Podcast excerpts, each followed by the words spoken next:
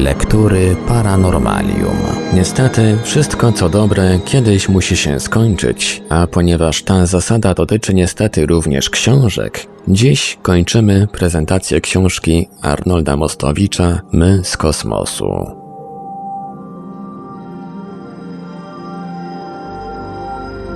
Kosmita Nommo Drugą postacią, której perypetie związane są z podróżą kosmiczną, jest Nommo. Nommo to dla odmiany ktoś w rodzaju archanioła wypełniającego rozkazy Amme. Jego zadaniem jest zaludnianie Ziemi stworzonej przez Amme. Mit dokładnie opisuje przygotowania do tej podróży. Jeśli usunąć metafory i symbolikę, to przygotowania te, jako żywo, przypominają zupełnie przygotowania naszych kosmonautów. Mowa jest o tym, że statek przed lotem zaopatrzył się w źródło energii, którym i w tym wypadku jest ziarno Po.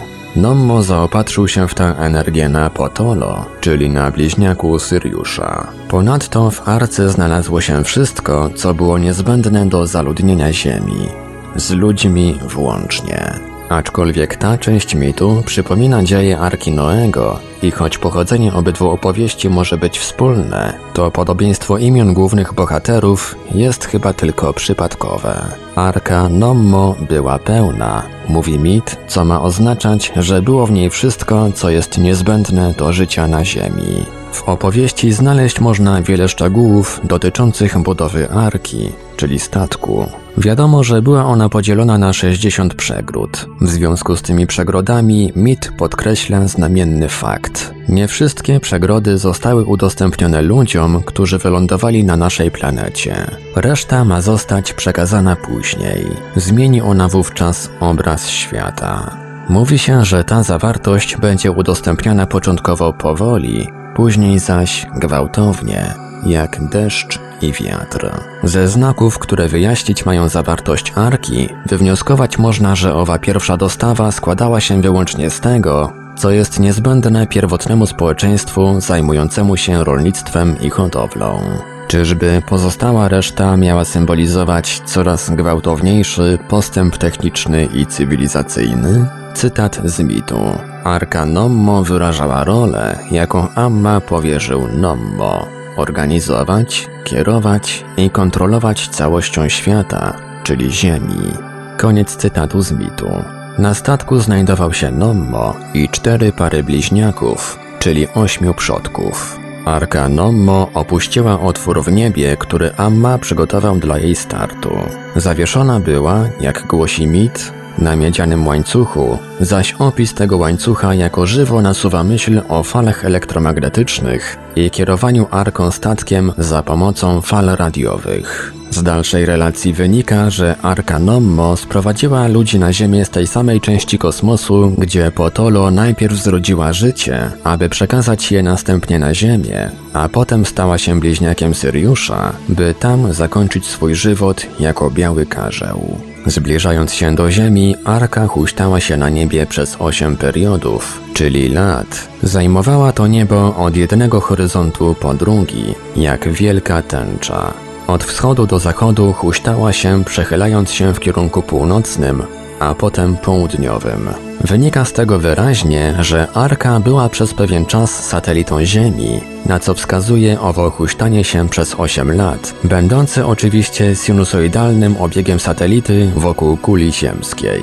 Z dalszego wreszcie opisu wynika, że Arka przypominała bardziej to, co nazywamy latającym talerzem, niż nasze statki kosmiczne. Huśtająca się Arka wirowała bowiem wokół swej osi. W tym właśnie miejscu mit powiada, że schodząc na Ziemię, Arka zakreślała ową podwójną spiralę, o czym w jednym z poprzednich rozdziałów była mowa. Ruch wirowy arki wspomagany był kręcącym się wichrem, który przechodził przez dyszę mającą formę owego wiatru.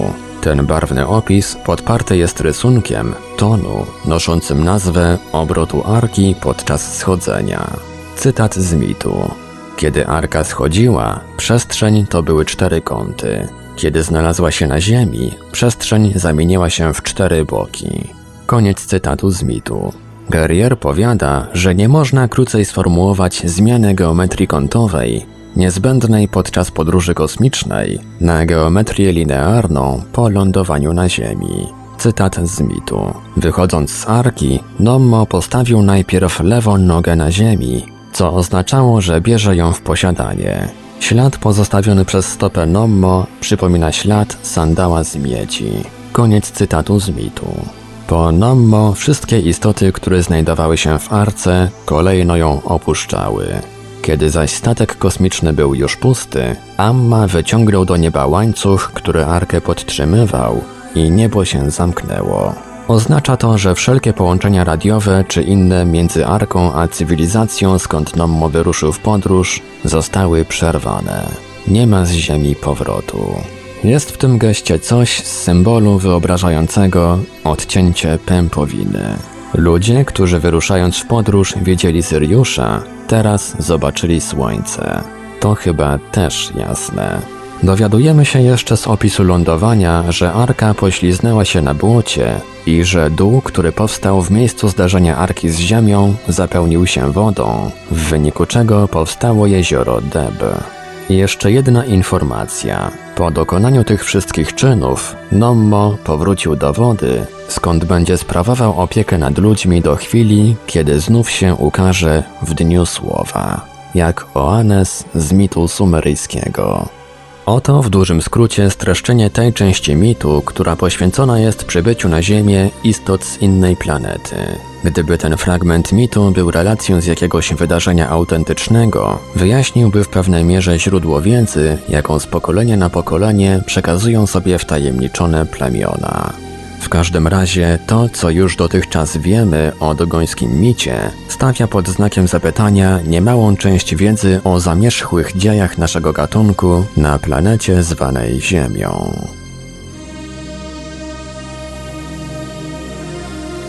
Cała powyższa relacja wymaga jeszcze wielu drobnych, ale istotnych komentarzy. Bliźniak Nommo Zacznijmy od dziejów Nommo, który, zgodnie z treścią mitu, po podróży przez kosmos miał lądować na Ziemi, niedaleko jeziora Debe.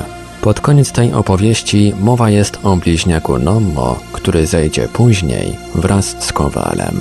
Otóż profesor Dieterle w ostatnim swoim sprawozdaniu zebrała dodatkowe informacje, które mają wyjaśnić owo zejście Kowala. Warto temu poświęcić kilka uwag. Rzecz w tym, że mit dogoński zawiera szczegóły upadku w okolicach innego z tamtejszych jezior, Bosumtłu, albo olbrzymiego meteoru, albo olbrzymiego statku kosmicznego. Pierwsza hipoteza mieści się w ramach dostępnej nam wiedzy, druga wkracza w dziedzinę fantastyki i fikcji.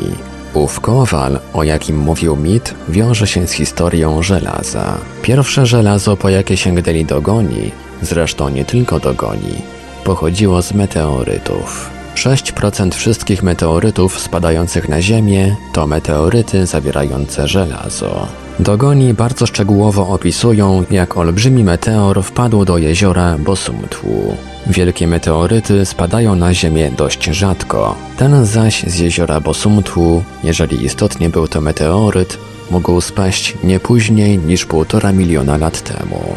Pięknie, tylko w takim razie kto opowiedział o tym dogonom, którzy na tereny obecnie przez siebie zamieszkiwane przybyli około 4000 lat temu? Gdyby był to statek kosmiczny z przedstawicielami jakiejś cywilizacji pozaziemskiej, który wylądował na naszym globie znacznie później, wszystko byłoby łatwiejsze do wytłumaczenia. Ale to oczywiście hipoteza, którą każdy szanujący się uczony odrzuci.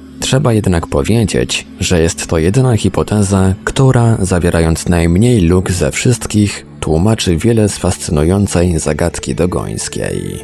Bo jedno jest pewne. Nie jest możliwe, by w przeszłości jakakolwiek cywilizacja mogła samodzielnie skonstruować cały ten system wiedzy stanowiącej treść gnozy dogońskiej. Co do tego nie ma najmniejszej wątpliwości. Chcąc podciągnąć się nieco w mojej wiedzy astronomicznej w ogóle i chcąc czegoś jeszcze dowiedzieć się o Syriuszu, zawędrowałem do warszawskiego obserwatorium astronomicznego, gdzie na pytania związane z mitem dogońskim nie znalazłem wprawdzie odpowiedzi, ale gdzie zetknąłem się z inną, niezwykłą zagadką, i to zagadką związaną właśnie z Syriuszem. Czerwona gwiazda? Syriusz, jak wiadomo, błyszczy na niebie światłem blado-niebieskim. Ale okazuje się, jak o tym przeczytałem w jednej z angielskich książek poświęconych astronomii, że starożytni nazywali Syriusza, Syriusza A, tego, którego widzimy gołym okiem, gwiazdą czerwoną. Jak wytłumaczyć podobną niezgodność ze stanem faktycznym? Można ją wyjaśnić w jeden tylko sposób. Otóż Syriusz B, który był niegdyś czerwonym olbrzymem, swoim blaskiem przyćmiewał blask Syriusza A. W porządku. Tylko, że według większości uczonych Syriusz B był czerwonym olbrzymem jakieś 100 tysięcy albo i milion lat temu. Nie jest więc rzeczą możliwą, by za czasów rzymskich, greckich czy nawet egipskich mógł przyćmiewać czerwonym blaskiem blado-niebieskie światło Syriusza A. Czy jest więc możliwe, zapytują autorzy angielskiego podręcznika, by zjawisko widziane okiem Pitekantropa czy Neandertalczyka przetrwało w pamięci setek, a nawet tysięcy pokoleń istot ludzkich na najniższym szczeblu rozwoju, i stało się elementem wiedzy egipskich kapłanów czy mędrców greckich, którzy ani tego zjawiska sami nie widzieli, ani też nie otrzymali o nim żadnego pisemnego przekazu.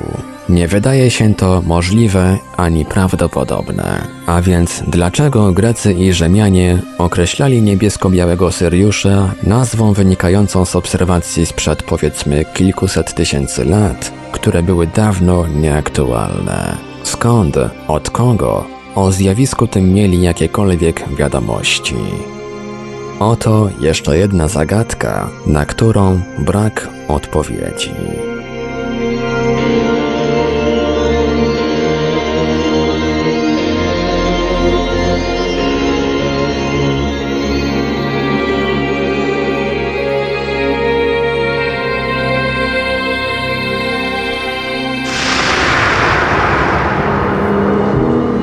Lektury Paranormalium. W Radiu Paranormalium zakończyliśmy właśnie prezentację książki Arnolda Mostowicza My z kosmosu.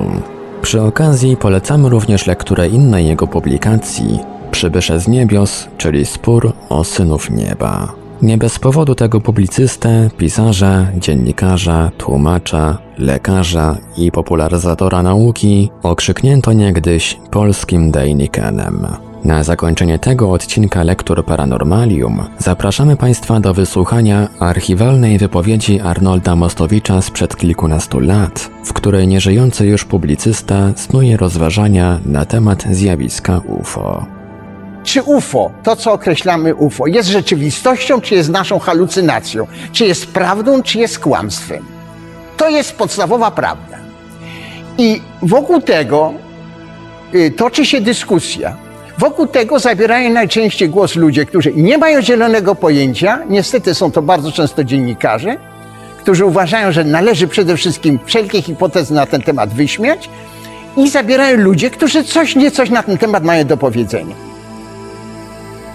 Y, żałuję bardzo, że y, z znakomitego miesięcznika Nieznany Świat wywiad, jaki się tam ukazał, nie został przedrukowany przez całą naszą prasę.